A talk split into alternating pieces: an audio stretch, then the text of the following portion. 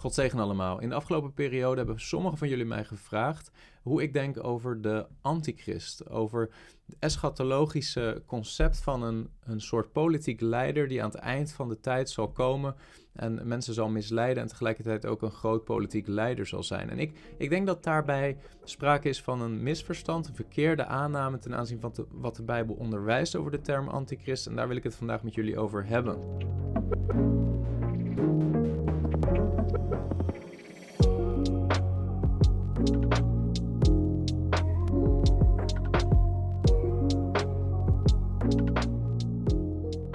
Wordt veel gesproken door christenen over de antichrist, maar op welke bijbelteksten is het hele idee of het hele concept antichrist eigenlijk gebaseerd en gaan die daar wel over? En wat veel christenen niet weten is dat de hele term antichrist maar op twee verschillende plekken of in twee Bijbelboeken van het Nieuw Testament voorkomt. En dat zijn de 1 en de 2 Johannesbrieven. Verder komt de letterlijke term antichrist nergens voor in het Nieuwe Testament. En het is dan ook belangrijk om te bestuderen waar antichrist over gaat. Uh, om te kijken naar 1 Johannes en 2 Johannes en te bezien wat Johannes, de apostel, bedoelt met die term. En daarom gaan we beginnen te lezen in 1 Johannes hoofdstuk 2 vers 18 tot 23 en daar lezen we het volgende.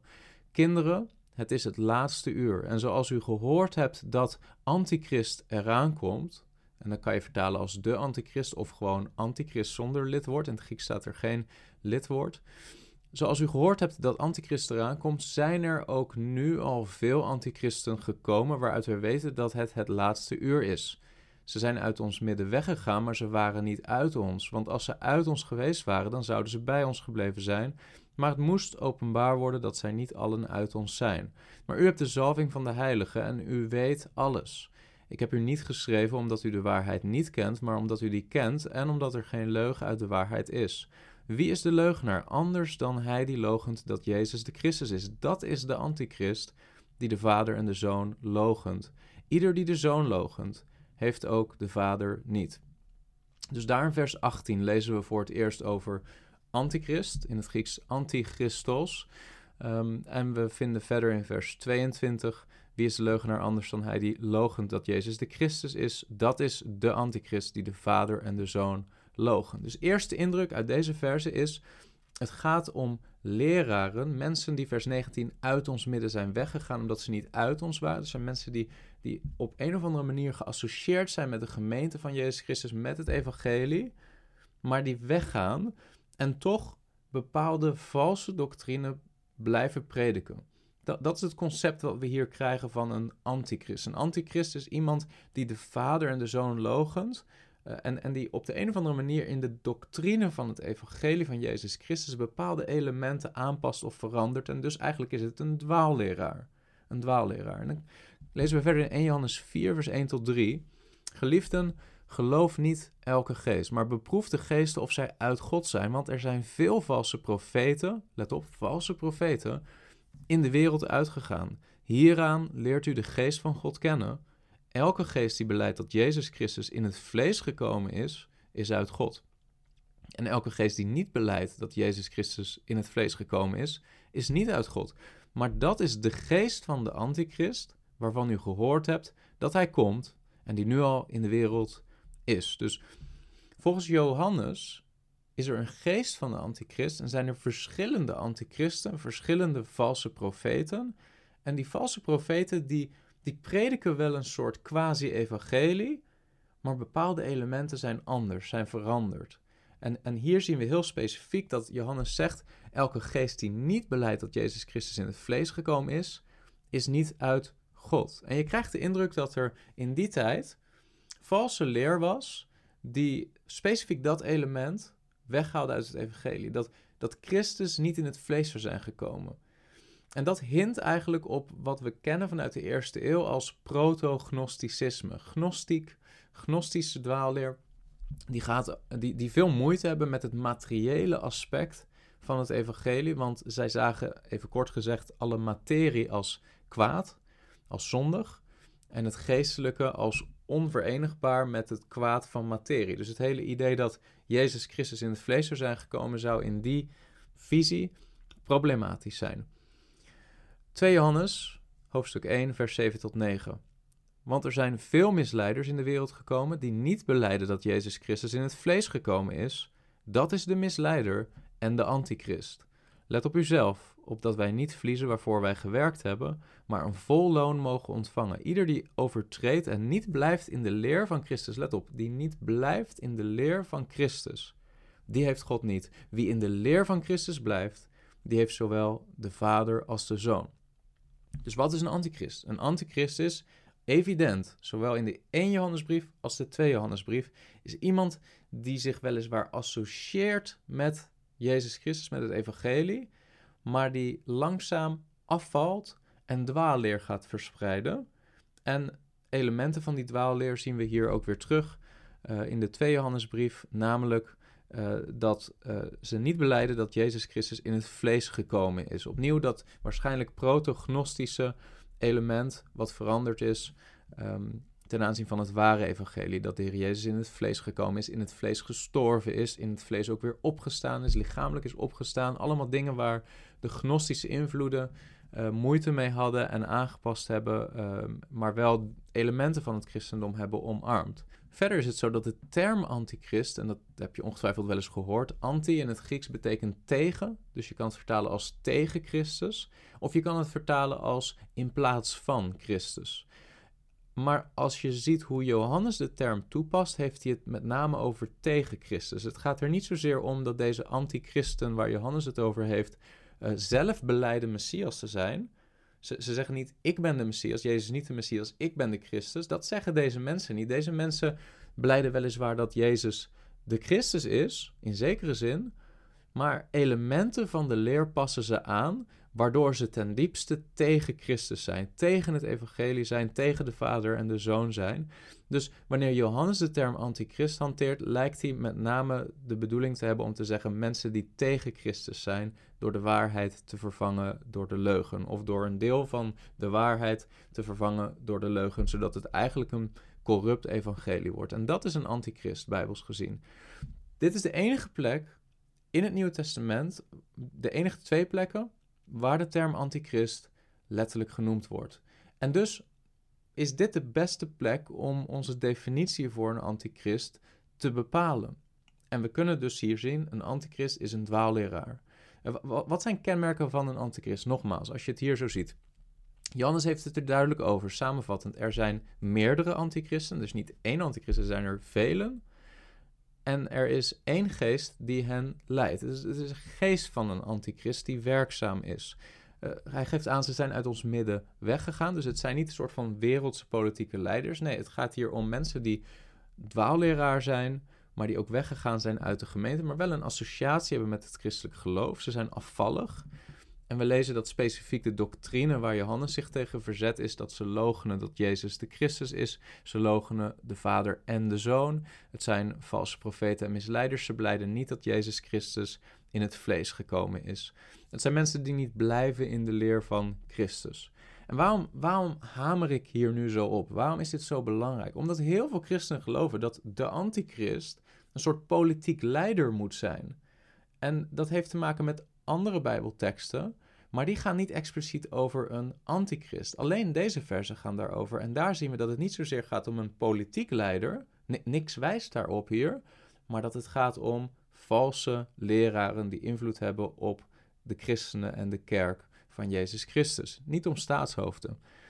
Het profiel van een antichrist volgens Johannes past dus veel eerder bij bijvoorbeeld een valse profeet als Joseph Smith uit de 19e eeuw, de oprichter van de Mormonen. Of bijvoorbeeld de profeet Mohammed, die de lichamelijke kruisdood van de Heer Jezus ontkent en dus ook de lichamelijke opstanding van Jezus Christus ontkent en het hele evangelie eigenlijk ontkracht, ondanks dat de moslims nog steeds zeggen wij geloven in Jezus de leer is aangepast. En, en dus zou een profeet Mohammed ook veel beter bij het profiel van een antichrist passen, zoals Johannes, de apostel, dat schetst.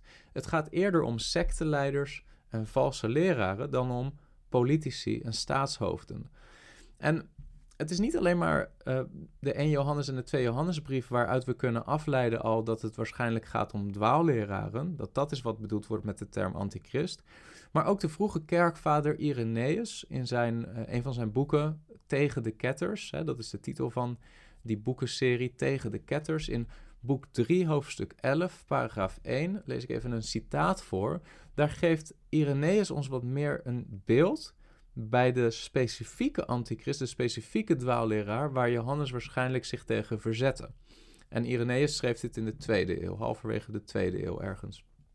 Hij zegt het volgende. Johannes, de discipel van de Heer, predikt dit geloof en tracht door de verkondiging van het evangelie om de dwaling die door Cerinthus uitgezaaid was onder de mensen. Cerinthus, Cerinthus was een dwaalleraar die waarschijnlijk leefde ongeveer eh, in de tweede helft van de eerste eeuw, dus ten tijde van de eerste gemeente. Cerinthus was een een dwaalleraar waar we niet zo heel veel van afweten, behalve vanuit datgene wat Irenaeus over hem schrijft. Maar Irenaeus geeft hier aan dat de 1 Johannesbrief waarschijnlijk specifiek gericht was tegen de leer van Cerinthus. En Cerinthus had gnosticisme vermengd met het christelijk geloof. Dus ik lees door. Om de dwaling die door Cerinthus uitgezaaid was onder de mensen, en lang daarvoor al door de zogenaamde Nicolaïten, die een afzetting zijn van de ten onrechte zogenoemde kennis, opdat hij hen zou verwarren of corrigeren en overtuigen dat er maar één God is die alle dingen heeft gemaakt door zijn woord en niet, zoals zij beweren, dat de schepper er één was, maar de vader van de Heer een ander. En dat de zoon van de schepper voorzeker één was, maar de Christus van boven een ander. Terwijl hij neerdaalde op Jezus als zoon van de schepper en weer omhoog vloog naar zijn pleroma. Een pleroma is een gnostisch begrip dat gaat over een bepaalde geestelijke sfeer waar de goddelijke krachten heersen. En dat monogenes het begin was, maar de logos was de ware zoon van monogenes. En dat deze schepping waartoe wij behoren niet gemaakt was door de primaire God, maar door een of andere macht die veel lager onder hem was. dit is gnosticisme. Het hele idee dat, dat de, de God die hemel en aarde geschapen heeft, die de materiële schepping gemaakt heeft, zou nooit de oppergod kunnen zijn, want die houdt zich verre van het materiële. Dus eh, dat moet een soort demiurg zijn geweest. Dat is gnosticisme. En dat is wat hier ook eigenlijk wordt gezegd. Hè? De, schepping waartoe wij behoren zou niet gemaakt zijn door de primaire God, maar door een of andere macht die veel lager onder hem was en afgesloten was van gemeenschap met de onzichtbare en onuitsprekelijke dingen. De discipel van de Heer wilde, en dan gaat het weer om Johannes, wilde daarom dergelijke dwaalleer een halt toeroepen en de regel van de waarheid in de kerk bevestigen dat er maar één almachtige God is, die alle dingen heeft gemaakt door zijn woord, zowel de zichtbare als de onzichtbare. En tegelijkertijd laten zien dat door het woord waardoor God de schepping heeft gemaakt, hij ook verlossing heeft toebedeeld aan de mensen binnen de schepping. En zo begon zijn onderwijs in het evangelie.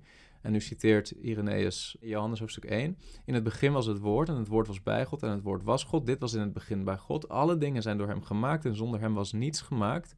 Wat gemaakt is, was leven in hem en het leven was het licht van de mensen. En het licht schijnt in de duisternis en de duisternis heeft het niet begrepen.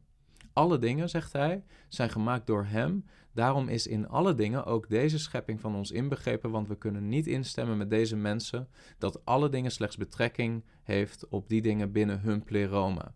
Nou, dit, dit klinkt misschien heel raar, dit hele citaat van Irenaeus, omdat wij vandaag de dag niet zo heel veel te maken hebben met gnosticisme.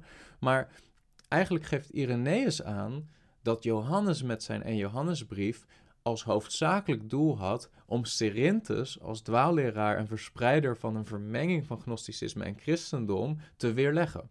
Dat is wat we hier lezen. En dat geeft nog extra basis om te geloven dat een antichrist in de beleving van de apostel Johannes een dwaalleraar is die elementen van het evangelie aanpast. Niet een politiek leider, maar een dwaalleraar. En in boek 1 van Irenaeus, in hoofdstuk 26, paragraaf 1, ook in de boekenserie Tegen Ketters, uh, lezen we dit over Cerinthus. Cerinthus, wederom, was een man die onderwezen was in de wijsheid van de Egyptenaren. Onderwees dat de wereld niet gemaakt was door de primaire God, maar door een zekere macht die ver afgescheiden was van hem. En die op afstand stond van die vorst die opperste is over het universum en die onwetend was met betrekking tot diegene die boven alles staat. Hij onderwees dat Jezus niet was geboren uit een maagd, maar als de zoon van Jozef en Maria conform de natuurlijke wijze van het menselijk soort, terwijl hij desondanks rechtvaardiger, verstandiger en wijzer was dan andere mensen. Met andere woorden, Irenaeus zegt dat Cerinthus de maagdelijke geboorte van Jezus ontkende. En zei dat Jezus gewoon op natuurlijke wijze verwekt was met Jozef als biologische vader. Verder onderwees hij dat hij na zijn doop dat Christus neerdaalde op Jezus in de vorm van een duif van de opperheerser en dat hij de, de onbekende vader vervolgens verkondigde en wonderen uitvoerde. Dus, dus wat, wat deze Cerinthus onderwees, en dat is ook iets wat we kennen van gnosticisme, is dat er een soort splitsing was in de persoon van Jezus tussen de Christus en Jezus. En Jezus was dan een soort van de materiële mens. En Christus was een soort onaantastbare geest die tijdelijk op Jezus was, maar die niet stierf aan het kruis en ook niet opstond. Hè? Dat lezen we hier ook. Maar aan het eind verliet Christus vervolgens Jezus. Dus dit desintegreert totaal de natuur van de Heer Jezus Christus. Maar aan het eind verliet Christus vervolgens Jezus. En dat vervolgens Jezus leed en weer opstond, terwijl Christus onaantastbaar bleef omdat hij een geestelijk wezen was. Nou, dit, dit is dwaalleer. Maar dit is wat Cerinthus volgens Irenaeus in de eerste eeuw onderwees. En het is eigenlijk best wel herkenbaar als je dit vergelijkt met wat we zagen in 1 Johannes 2 Johannes, dat er zo wordt gehamerd op het idee dat Jezus de Christus is. Dat er geen scheiding is van die twee. Dat, dat er niet een soort desintegratie is tussen een materiële Jezus en een geestelijke Christus, waarbij alleen die materiële Jezus zou zijn gestorven. Uh, dat, dat, dat wordt door Johannes weerlegd. Het hele idee dat, dat Christus niet in het vlees gekomen zou zijn. Dus specifiek die elementen waar iemand als Cerinthus zich tegen verzette, is hetgeen waar Johannes op hamert. En dit ondersteunt vanuit zo'n vroege kerkvader zoals Irenaeus, hoewel we daar altijd mee moeten oppassen, omdat het niet uh, de schrift is, maar Irenaeus ondersteunt het idee dat een antichrist niet een politiek leider is, maar iemand die elementen van de leer van het christelijk geloof verandert en zo dwaalleer veroorzaakt. Zeg je misschien, Chris, hoe kan het dan zo zijn dat er zoveel mensen zijn die een antichrist associëren met een soort politiek leider die aan het eind der tijden zal komen? En dat is niet zozeer vaak vanwege die 1 en 2 Johannes teksten, waar antichrist uh, wordt genoemd, maar andere teksten, zoals bijvoorbeeld uh, Matthäus 24, vers 24. En daar zegt de Heer Jezus, er zullen valse Christussen, hè? er staat niet antichristen, maar valse Christussen, oftewel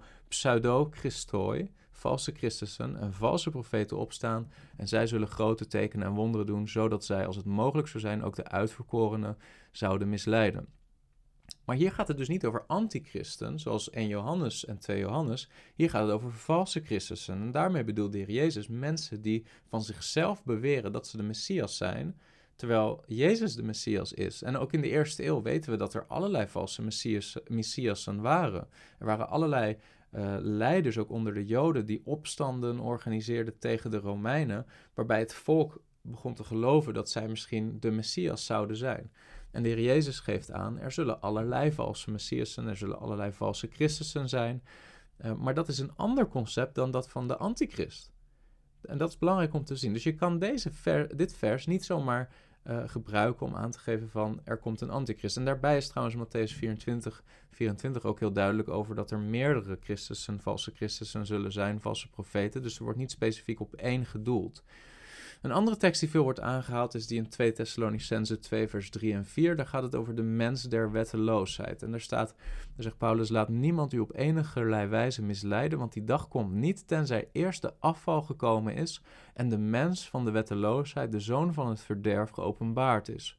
De tegenstander die zich ook verheft boven al wat God genoemd of als God vereerd wordt, zodat hij als God in de tempel van God gaat zitten en zichzelf als God voordoet.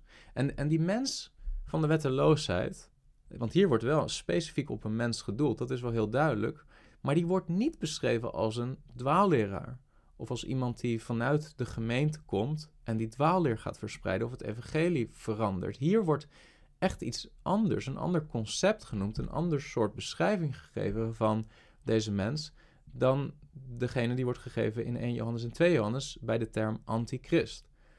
Hier gaat het om een mens van wetteloosheid. Dit, dit lijkt te gaan om iemand die zo'n beetje de hele wet van God aan zijn laars lapt. En, en, en die zichzelf verheft boven al wat God genoemd wordt. Dit is een atheïst. Dit is iemand die, die zichzelf maakt tot God en geen erkenning geeft aan een andere God of een wet van een andere God. En dat is echt iets heel anders dan een dwaalleraar. De meeste dwaalleraren geloven nog steeds in een God, maar gaan herdefiniëren wat de ware leer is van die God. Het zijn geen wetteloze mensen meestal, maar het zijn mensen die elementen van Gods woord en Gods openbaring aanpassen. En dat is een heel ander soort persoon, zo'n antichrist, dan deze mens der wetteloosheid. Deze mens der wetteloosheid heeft geen ontzag voor een andere God en ziet zichzelf als God en stelt zichzelf in de tempel van God eh, voor als een God. Dit is veel eerder de beschrijving van een soort atheïstische politieke figuur die macht heeft en die zichzelf deificeert. En dat, dat past bij bijvoorbeeld de Romeinse keizers zoals Nero en Domitianus, die letterlijk zichzelf lieten vereren als God en geen respect hadden voor bijvoorbeeld de God van Israël. Dan heb je nog een ander schriftgedeelte en dat gaat over de kleine hoorn, Daniel 7, vers 7 tot 8. We hebben wel eens eerder gekeken naar Daniel 7, maar daar staat: Daarna keek ik toe in de nachtvisioenen en zie het vierde dier. We hebben gezien dat dat vierde dier gaat over het Romeinse Rijk, dat is mijn overtuiging. Het vierde dier was schrikwekkend, gruwelijk en uitzonderlijk sterk. Het had grote ijzeren tanden, het at en verbrijzelde en de rest vertrapte het met zijn poten. Het verschilde van al de dieren die ervoor geweest waren en het had tien hoorns. Terwijl ik op de hoorns bleef letten, zie een andere kleine hoorn rees daartussen op. Drie van de eerdere hoorns werden voor hem uitgerukt en zie, in die hoorn waren ogen als mensenogen en een mond vol grootspraak. Nou, we hebben gezien die beesten in Daniel gaan over politieke koninkrijken, over machtige koninkrijken. Niet zozeer over religieuze dwaalleraars of iets wat te maken heeft met de kerk of met uh, de religie van het Jodendom. Dit gaat om een koninkrijk. En dat vierde koninkrijk gaat over het Romeinse Rijk. En die hoorns gaan vaak over machthebbers, politieke machthebbers. Die kennelijk hier ook, uh, een daarvan wordt beschreven als een kleine hoorn. Waarvoor drie eerdere hoorns worden uitgerukt. Um, en nou, we kunnen in detail gaan kijken naar wat er in de eerste eeuw gebeurde. Uh, we hebben het er ook al in een eerdere video over gehad. Maar die kleine hoorn lijkt niet zozeer te voldoen aan de beschrijving van een antichrist in 1 Johannes of 2 Johannes. Het gaat niet om een religieuze leider, het gaat niet om een dwaalleraar, het gaat niet om een vermenger van christendom en gnosticisme, maar het gaat hier om een politiek machthebber die een mond heeft vol grootspraak. En deze beschrijving past dan weer heel sterk bij die mens der wetteloosheid in 2 Thessalonicensen.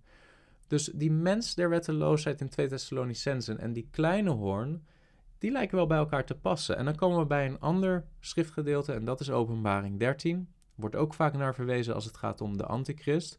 En daar, daar lezen we over het beest. Het beest uit de zee en vervolgens een paar versen verder het beest uit het land. Waarbij veel mensen geloven dat het gaat om het beest uit de aarde. Maar je kunt dat woord gees ook vertalen als het beest uit het land.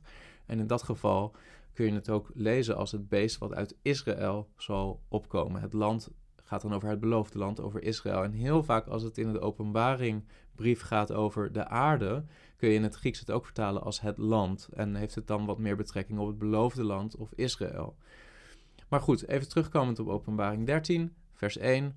Ik zag uit de zee een beest opkomen dat zeven koppen en tien hoorns had. En op zijn hoorns waren tien diademen. En op zijn koppen een godslasterlijke naam.